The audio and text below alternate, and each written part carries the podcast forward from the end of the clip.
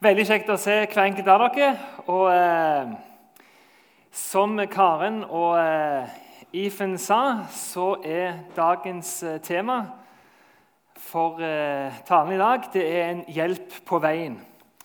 Og Det er i forbindelse med at vi har hatt en taleserie denne vinteren. og Nå, eh, nå gikk vi vel rett over på sommer, men eh, da har vi hatt en serie som har gått på eh, som er blitt kalt 'Et liv i Jesus', som handler om å være en disippel, en etterfølger av Jesus i dag. Og Det er den siste, serien, eh, siste emnet i dag, og, eh, som er da en hjelp på veien. For som Karen og eh, Ifen viste, så er det jo ulike måter når en skal begi seg ut på en vei i forhold til hva en pakker med seg. Noen ting er mer fornuftige enn andre. Eh, og så er det jo òg sånn at det er ulike veier å ta i livet. Det er ikke alle av oss mennesker som tar den samme veien. Og Vi skal i forbindelse med det høre en bibeltekst som er fra en bok som heter 'Apostlenes gjerninger'.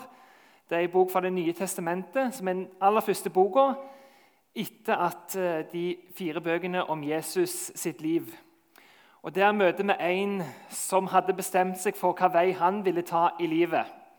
En som heter Saulus. Han var fullstendig overbevist over den veien han skulle gå.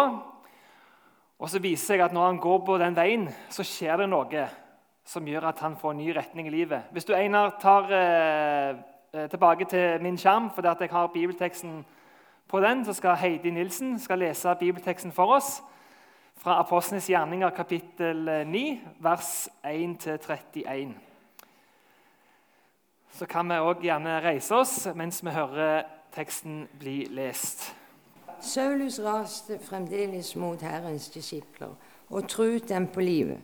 Han gikk til øverstepresten og ba, og ba om brev til synagogene i Damaskus for å finne de som hørte til veien både herren og kvinner, og føre dem i lenker til Jerusalem. Underveis da han nærmet seg Damaskus, strålte plutselig et lys fra himmelen omkring ham. Han falt til jorden og hørte en stemme som sa, Saul, Saul, hvorfor forfølger du meg? Hvem er du, Herre? spurte Saul. Og svaret lød, Jeg er Jesus, han som du forfølger. Men reis deg nå og gå inn i byen. Der vil noen si deg hva du skal gjøre. Mennene som fulgte ham, sto møløse, de hørte stemmen, men så ingen. Saulus reiste seg og åpnet øynene, men han kunne ikke se. Så de tok ham i hånden og leide ham inn i Damaskus. I tre dager var han uten syn, og han verken spiste eller drakk.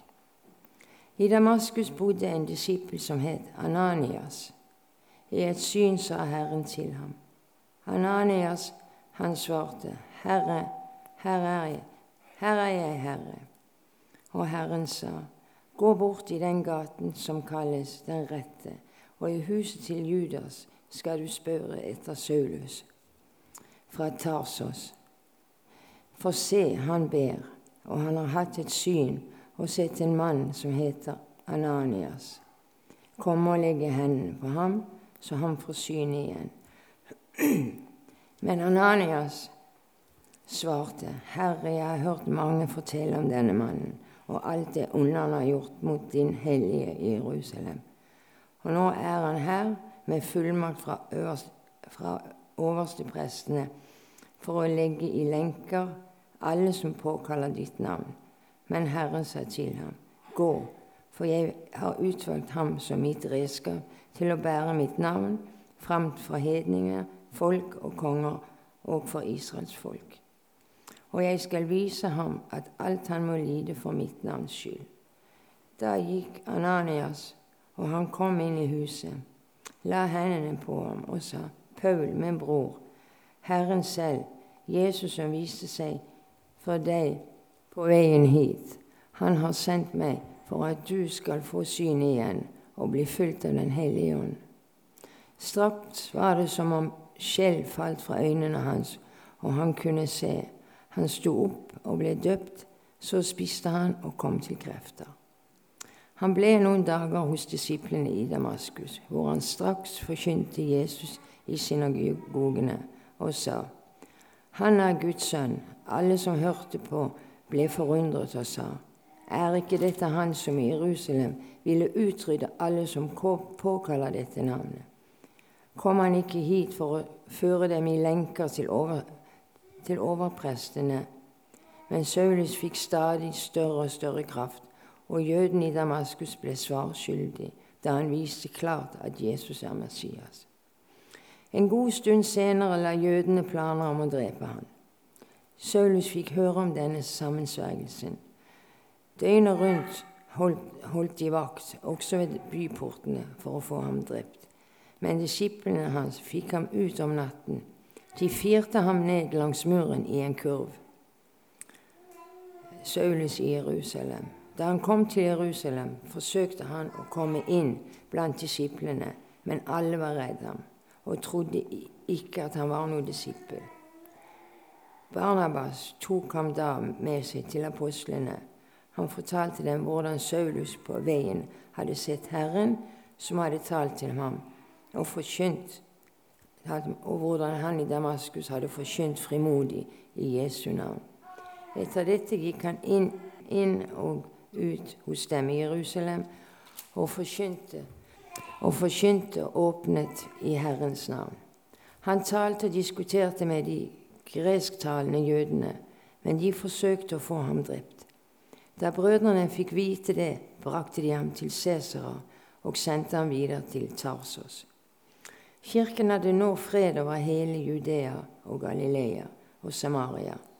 Den ble bygd opp og levde i ærefrykt for Herren, og den vokste styrket av Den hellige ånd. Peter, Peter gjør under. Takk, eh, Heidi. Det var, det var hele teksten. Det var hele teksten, ja. Takk skal du ha. Var det hele teksten? Det var hele teksten. Veldig fint. Da kan du gå ned og sette deg. Tusen takk skal du ha, Heidi. Da kan dere sette dere alle sammen. Så la oss eh, takke for det ordet som Heidi leste for oss fra Apostelens gjerninger. Takk, Gud, for dette som var ditt ord. La oss ta imot det i våre hjerter og la det få lede oss på den veien du kaller oss til å gå. Amen. Dette er jo en eh, lang eh, tekst, men hvis dere hørte i begynnelsen av eh, teksten, så hørte du om han som heter Saul, som er han som etter hvert underveis på denne reisen får et møte med Jesus, men hvor han var ute etter å ta noen som ble kalt å tilhøre veien. For de aller første kristne var det et av de kallenavnene de fikk, de som tilhørte veien. Og Flere plasser i spesielt apostlenes gjerninger i den samme boka så kan du lese hvor de ble kalt dette her, de som tilhørte veien. Og Grunnen til det, det var at de aller første kristne de hadde en annen retning for livet sitt enn de som ikke var kristne. De hadde en annen herre, og de levde med en annen retning for livet sitt. Og Det er jo sånn sett òg på en måte utfordringen til oss i dag. Hva retning er det vi går med våre liv? Hvilken herre er det som leder oss på den veien vi går? Får det konsekvenser for retningen vår og den veien vi går på, den som vi ønsker å tilhøre? Det å finne samtidig vei fram til en plass er ikke alltid så veldig enkelt. Jeg er utrolig glad for at det nå fins GPS eh, som jeg har på mobilen, som gjør at hvis jeg skal en plass, så bare sier jeg ja, jeg har GPS, jeg kommer fram. Men det er jo et virkemiddel og en hjelpemiddel som jeg trenger utenfor meg sjøl. Jeg husker før i gamle dager, da jeg var liten, da var det at foreldrene mine satt med kart, fysisk kart og skulle spørre om veien. Da var det ikke alltid at en havna på rett plass. Og eh, jeg vet også selv at selv om jeg har GPS, er det også noen ganger jeg havner feil, for jeg har misforstått retningen. Og så tror jeg det er gjerne sånn at eh, Kanskje spesielt for oss menn så sitter det lenger inne å innrømme at en har tatt feil. Hvis en, eh, sitter og kjører eh, i forhold til det det motsatte kjønn ville gjort. At en bare kjører på, selv om en egentlig kjører feil, og håper, en håper da at det skal ordne seg en eller annen plass. sånn at en kommer fram allikevel, noe som det sjelden gjør. Men det handler òg om å finne veien. Paulus, han, eller Saul, som han ble kalt i denne teksten, eller Saulus Grunnen til at det er Saulus og Paulus, er at Saulus er jo navnet hans på hebraisk, og Paulus er hans navn på gresk. Også underveis i Apostlenes gjerninger så skifter det over til å beskrive han heller som Paulus. Men han er, det er samme person, men det er ulike måter å bruke navnet hans på ut fra hebraisk og eh, gresk. Men Paulus han hadde jo en, en, vei som han var fullstendig overbevist om altså når han ble kalt Saulus her. Han var fullstendig overbevist om at han tjente Gud, og at han gikk på den gode veien i livet. Og Ut ifra det så var han overbevist om at de som kalte seg kristne, de som tilhørte veien, de måtte han få tatt livet av, for de var en trussel. Han var redd for at disse som kalte seg veien, ville føre Mennesker som gikk på den veien han Saul så som rett, feil. Så Saulus var bestendig overbevist om at han måtte få disse rydda vekk, sånn at ikke flere skulle miste den veien som han så for seg var den rette veien. Og så er det det som vi leser med teksten, at Underveis til Damaskus så får Saulus et møte med Jesus som gjør at Saulus, altså Paulus, innser at han har valgt en feil vei og en feil retning for livet sitt. Og Så velger han òg å følge det samme, de som han valgte opprinnelig å etterfølge, de som tilhørte veien. Og Paulus senere i livet kommer også til en erkjennelse om at den overbevisningen om, om at han gikk feil, den kunne ikke han sjøl ha funnet ut på egen hånd. Han var avhengig av en utenfor seg sjøl, Jesus, at han skulle vise seg foran for å se at han gikk på feil vei. Og Derfor er det at Paulus eh, i et brev som han skriver til romerne, skriver at det finnes ikke én som forstår, ikke én som søker Gud. Alle er kommet på avveier. Paulus sin erkjennelse er at alle mennesker greier ikke på egen hånd å finne Guds vei, den veien som Gud har for livene våre. I oss mennesker så ligger det en vilje som overtar muligheten til å gå på Guds vei, som gjør at vi går på andre veier enn den Gud har kalt oss til å gå. Og Det er det som Bibelen kaller for synd, som sånn sett handler jo om å bomme på målet, bomme på veien som Gud har for livene våre. Det er kun Jesus som har mulighet utenfra oss sjøl til å vise oss hva som er veien som er Guds vei. Og Det ligger hos alle mennesker over hele verden.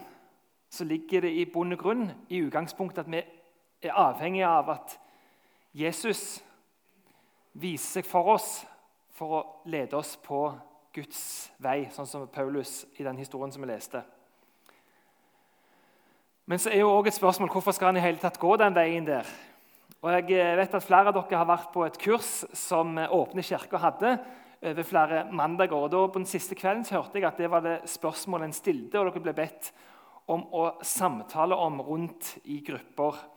Og når jeg hørte det spørsmålet på lydopptak, så ble mitt umiddelbare svar, som kanskje ikke er så veldig originalt, det som en av Jesus' sine disipler har skrevet i den fjerde boka om Jesu liv, Johannes evangeliet, at årsaken til å gå på denne veien som Gud har for oss, det er at for så høyt har Gud elsket verden, at han ga sin sønn den enbårne, for at hver den som tror på ham, ikke skal gå fortapt, men har evig liv. Dette er årsaken til jeg, hvorfor jeg vil gå på den veien. For det er bare på den veien Gud har for mitt liv, for våre liv, at du kan få ta imot Guds ubetinga og utrolig store, ubeskrivelige kjærlighet. Hvor du kan få oppleve deg elsket uansett måtte, hva som måtte skje i livet. Hvor du får en klar retning på livet ditt som er utenfor bare dette livet vi lever her nå. Og hvor du har et håp om et evig liv som gjør at om dette livet her går i stykker, så ligger det noe enda større utenfor der. Og Alt dette her får vi ta imot som en gave for det er Jesus som har gitt oss muligheten til å gå den veien. Det er han som har gitt oss denne gaven. Som kristne så er vi på veien. i forhold til at vi tilhører veien som Gud har for livene våre, men òg det at vi er alltid på reise. Vi kristne er alltid på en reise gjennom livet. Dette livet her er ikke målet i seg sjøl, men vi er på vei mot det evige livet som Gud har for oss. Så dette livet vi er på nå, det er en reise som vi er på. Og Det kommer seg til uttrykk i flere plasser at uh, vi tenker at dette livet er ikke det endelige, men det er bare det midlertidige. Og fordi, i, i, forhold til dette her, så er det mange eh, aspekter har eh, for å kommunisere det. I de aller fleste kirker er det sånn at alteret ble alltid satt på østsida for å vende seg mot solo, altså mot Jesus som verdens lys, for å peke på at er, vårt liv skal være i den retningen mot Jesus. Og så er det sånn at eh, Kirka ble gjerne ofte kalt for skipet. At du var inni et skip på vei til himmelen når du var inni et kirkebygg. Og Mange eldre kirker har jo et skip hengende i hovedrommet sitt. Og De som blir begravd, blir jo også fortsatt begravd. sånn at når, Hvis en skulle stå oppreist fra graven, så vil en da vende blikket sitt mot øst, altså mot solen, mot Jesu oppstandelse og mot det nye livet som venter. Vi er som kristne alltid på reise gjennom livet. Og Den reisen er ikke alltid så veldig lett, som Jesus sjøl sier når han oppfordrer oss til å gå på denne veien. hvor Han sier at 'gå inn gjennom den trange porten, for vi er porten, og bred er veien som fører til fortapelsen.' Og mange av de som går inn gjennom den, men trang er den porten, og smal er den veien som fører til livet, og få er de som finner den. Jesus beskriver her at det å gå på den veien Gud har for livene våre, kan sammenlignes med en sval vei. Og Det er fordi at det er ikke en vei som vi sjøl i egen kraft kan finne, og det er ikke en vei som vi sjøl i egen kraft heller kan gå på. Vi er avhengig av at Jesus gir oss det vi trenger for å gå på denne veien. Og så er det Mange som tenker at ja, denne veien her virker veldig sånn mørk og dyster og ja, smal. at det, det, betyr at Da må du velge vekk veldig mye av det som livet har å by på. Men hvis jeg skal sammenligne veier i livet, så vil jeg sammenligne det med at eh, noen av dere har nok kjørt på en ganske god motorvei. Noen av dere har jo bodd i Tyskland og har sikkert kjørt en del der på autobanen. Som går veldig fort, hvor det handler bare om å komme deg kjappest fra punkt A til punkt Å og du får ikke så veldig mulighet til å egentlig nyte eller ta inn over deg det som skjer på bilturen. Det er bare å komme kjappest mulig vei framover. Det er jo det motorveien er lagd for. Men så har du òg andre veier, f.eks. en skogsvei, hvor det går langsomt. Men du har muligheten til å stoppe, ta inn over deg alt det du ser rundt omkring. Ta inn alle inntrykkene og nyte det som Gud har skapt. Jeg vil sammenligne den veien som Gud har for livene våre, med denne skogsveien. Hvor du får virkelig ta inn over deg det som livet har å by på. Hvor du ikke bare raser fort gjennom alt, men du får virkelig gå og nyte det som Gud har skapt. Og du får et helt annet perspektiv på den reisen du har. Temaet for i dag var jo en hjelp på veien. og Det handler jo om å, hvordan kan vi få hjelp til å gå på denne veien som Gud har for livene våre. Og Jeg skal ta gjennom noen flere punkt i forhold eh, til det. Bare se hvordan jeg ligger med tida. Ja. Det ene er dette med personlig tid. Å bruke personlig tid. Ja, men personlig tid med hvem da? Jo, med han som er selve veien. Jesus sier om seg sjøl at 'jeg er veien, sannheten og livet'. Ingen kommer til far uten ved meg. Jesus bruker et bilde som at han er veien, fordi det er han som er den som viser oss og lar oss få gå på veien som Gud har for livene våre, som leder oss på veien. Så uten Jesus så kommer vi ikke på denne veien. Da fører det til en vei som ikke er der livet Gud har for livene våre. Så Derfor er det aller viktigste og sentrale i det å være en kristen er å bruke tid sammen med Jesus. Å bruke tid og investere tid og bli kjent med Jesus, han som viser oss veien til Gud. Og Jesus er jo sentrum for troa vår, og han er også sentrum i Bibelen, som Heidi har lest fra. Jesus er det som det handler om. Så Derfor er en viktig og sentral del å bruke tid i Bibelen. Bibelen blir kalt for Guds ord ofte. og Det gjør Bibelen fordi det er i Bibelen du kan få et sant og et ekte møte med hvem Jesus er. Det er det beste og klareste vitnesbyrdet som er bevart i forhold til hvem Jesus er. Det er det som står i Bibelen, og han er sentrum for hele den boka. Der får vi et sant møte med Jesus. så Derfor det å bruke tid i Bibelen er en viktig del av å bli kjent med Jesus og bli ledet av Gud.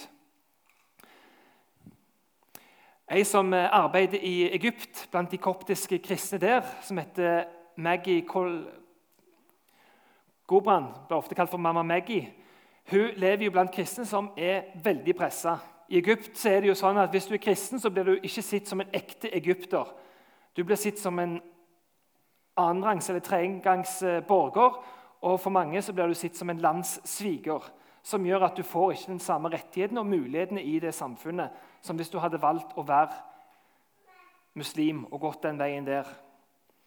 Hun sier at uten et levende forhold til Guds ord så ville vi være mye mer sårbare framover. Så Maggie Goban sier at det er tydelig at uten å lese Bibelen så ville det ikke vært mulig på samme måte og gått veien Gud har for livet deres i Egypt. Og Et annet sentralt ting til det å be. Be handler jo om å rette blikket mot Gud, søke Hans vilje og, gå, og få kraft til å gå der Han kaller oss til å gå. Og Bønn kan være både i forhold til å, at du sier ordene høyt, at du sier ord som du sjøl har formulert, sier ord som er allerede formulert, at du er stille og tar imot bønn fra Gud. Men òg det at du har en sinnsinnstilling til enhver tid i forhold til hvert eneste veivalg du må ta, og alltid søke Guds vilje for de valgene du må ta. På den måten alltid være i bønn. Og En sentral del av bønn det er muligheten til å hvile. For det å være kristen handler jo først og fremst ikke om alt du skal gjøre, men det handler om å være. Om å være og bruke tid sammen med Gud. Derfor skriver Mike Breen og Steve Cochram at alle trenger vi perioder der vi kan trekke oss tilbake for en lengre tid, hvile i Guds nærvær og fokusere på Han, som bønn handler om. Så er spørsmålet da, hva, Hvor har du en mulighet til å hvile? hvor har du en mulighet til å trekke deg tilbake, til å være i bønn, til å lese Guds ord. Og Det er jo det som ofte er utfordringen, det å finne en god rytme for dette. her. Men jeg tror sånn som Tonje Hauge Stang sier at alle mennesker har evne til å bygge gode vaner på dette området. For vi bygger mange vaner i forhold til å, om det er å se nyhetene, om å se en eller annen TV-serie, alle mange andre ting.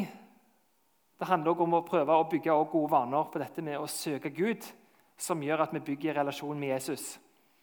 Det andre er å ha livsnære og ærlige samtaler. Jesus ble jo født som et menneske. og Fortsatt i dag så er det jo at Gud bruker mennesker til å gi oss òg et møte med seg sjøl. Så det å da ha samtale, en å samtale med, en som du kan bekjenne når ting har gått galt, en som kan gi deg oppmuntring, oppfordring, når ting er vanskelig. Og gjerne at du kan gjøre det med en som er en annen alder enn deg.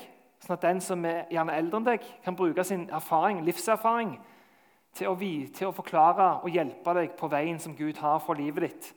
Så Det å ha noen å vandre sammen med og gå med er også en sentral del i forhold til å gå på veien Gud har for livet. Og En tredje punkt er dette med tilhørighet. Det å forplikte deg til et fellesskap av kristne. Jesus sin siste ting før han forlot disiplene, var jo å opprette kirka og kalle dem til å ta vare på fellesskapet med hverandre. For det, var aldri en tanke om at en skulle være kristen alene. Verken med Jesus alene eller med en bibel alene. Vi er kalt til å være et fellesskap med hverandre. Jesus ber jo de kristne om å være ett, sånn som han og Faderen er ett. Så Det handler om å forplikte seg til et fellesskap og tilhøre en plass, tilhøre en menighet, tilhøre ei kirke.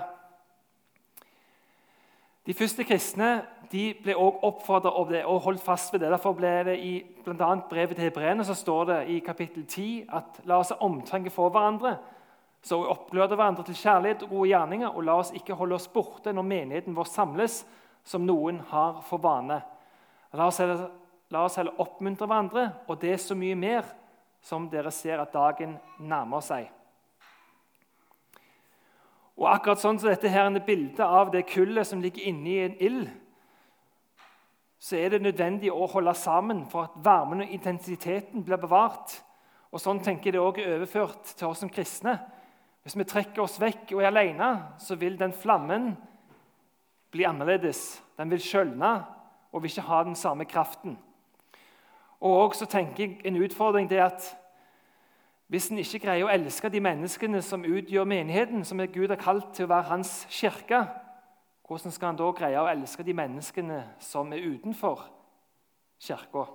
Hvis en ikke greier å elske de som er innenfor, de som i dag utgjør Jesu kropp.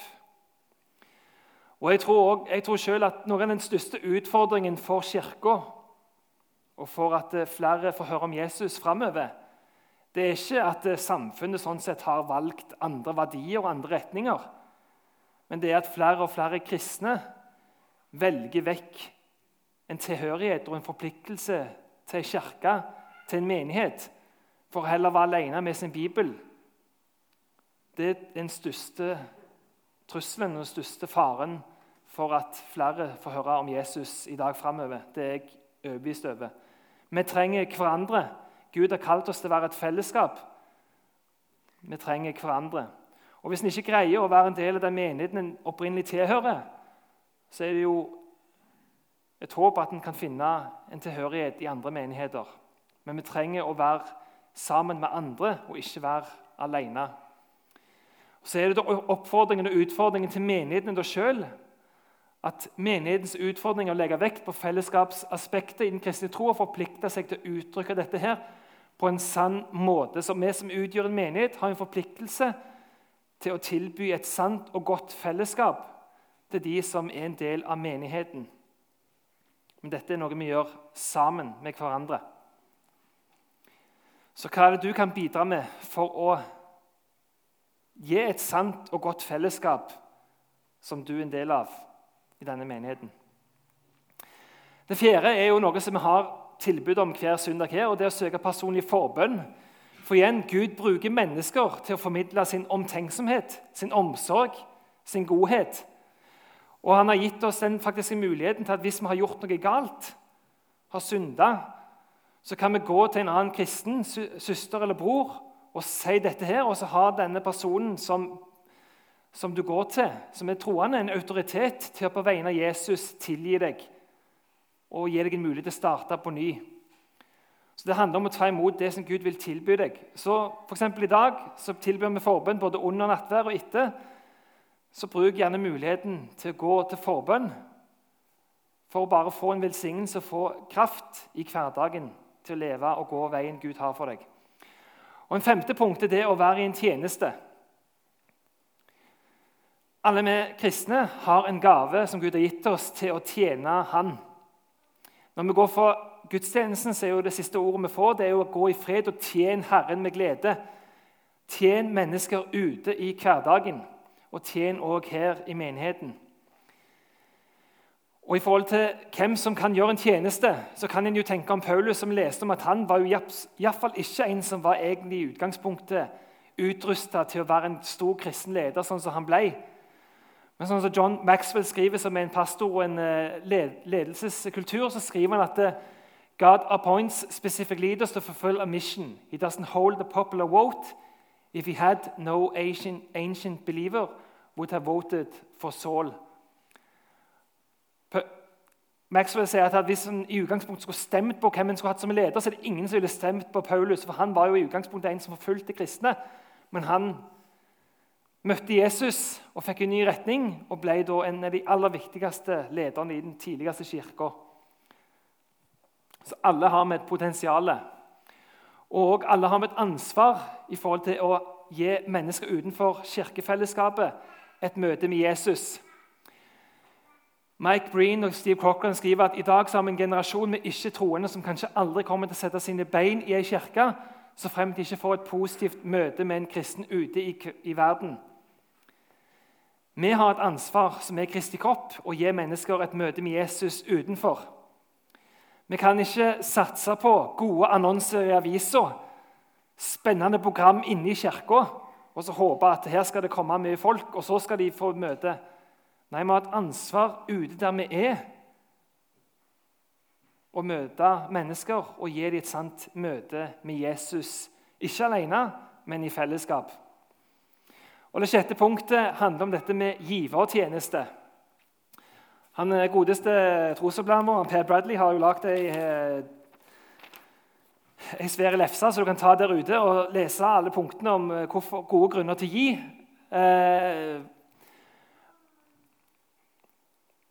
Men jeg tenker jeg skal bare avrunde med å si at det handler veldig mye om hva retning har hjertet vårt. Det er ingenting som snakker så sant om hva prioriteringene gjør i livet, med hva du bruker penger på. Du, når du ser på bankkontoen, så kan du gjerne si ja, det der er livsretningen min. Så det er ikke sånn at alt det en eier og tjener, skal gå til menighetens arbeid. Og hvor mye det skal være, det kan du avgjøre sjøl. Noen bruker tiende, noen bruker ikke tiende. Men det handler om å lære seg opp til at det jeg har, det er gitt meg av Gud. Og at jeg er med og bidrar inn til å fremme evangeliet. Til å være med på noe som er større enn meg sjøl. Til å stole på at jeg har nok når jeg òg gir.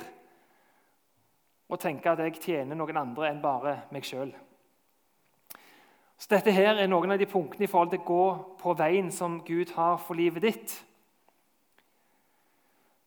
Så jeg håper at du vil gå den veien, den veien som Gud har for deg. For som Paulus skriver i en annen bok i Bibelen, så skriver han at den veien Gud har for oss, det er ikke en lettere vei alltid, men det er en bedre vei å gå. Som avslutning tenkte vi kunne be denne bønnen, som kan være med og bekrefte det valget du allerede har tatt. Eller kan være en mulighet for deg som ikke har tatt det valget før, om å ta det valget nå, om å gå på Guds vei for livene våre, som fører oss inn til det evige liv. La oss sammen be denne bønnen. Ransak meg, Gud, og kjenn mitt hjerte. Prøv meg og kjenn mine tanker. Se om jeg følger avguders vei og led meg på evighetens vei. Amen.